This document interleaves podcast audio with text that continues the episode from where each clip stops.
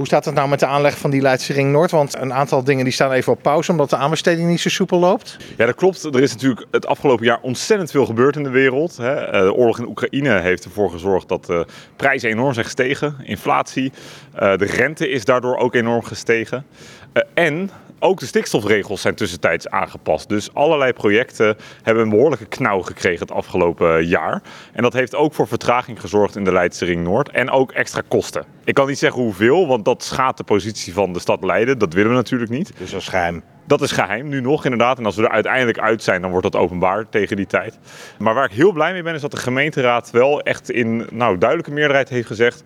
die Leidse Ring Noord is wel super belangrijk voor de verstedelijking, maar ook voor de verduurzaming van Leiden. Dus daar willen we wel mee door. En is dan wel duidelijk hoeveel langer het gaat duren? Nou, ik verwacht dat uh, als wij nu uh, de kredieten beschikbaar stellen en de aanbesteding weer opgepakt kan worden, uh, dat die dit jaar nog afgerond kan worden. En dat dan volgend jaar gestart kan worden met werkzaamheden bij bijvoorbeeld de Plesmanlaan. Maar goed, dat, dat is echt wel wat vertraging ten opzichte van de oorspronkelijke plannen. Want eigenlijk zouden we al aan de slag moeten zijn. En de gemeenteraad is inmiddels wel akkoord gegaan hè, met het extra geld.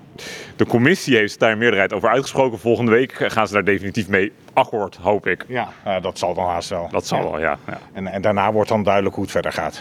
Precies, precies. Dan pakken we het verder op. En in het najaar uh, kunnen wij aan de raad rapporteren hoe de aanbestedingen zijn gelopen, verwacht ik. En wanneer de uitvoering start. Maar dat staat natuurlijk los van de stikstofaanpak. Want daar heb je als, als leider natuurlijk eigenlijk geen, geen invloed op.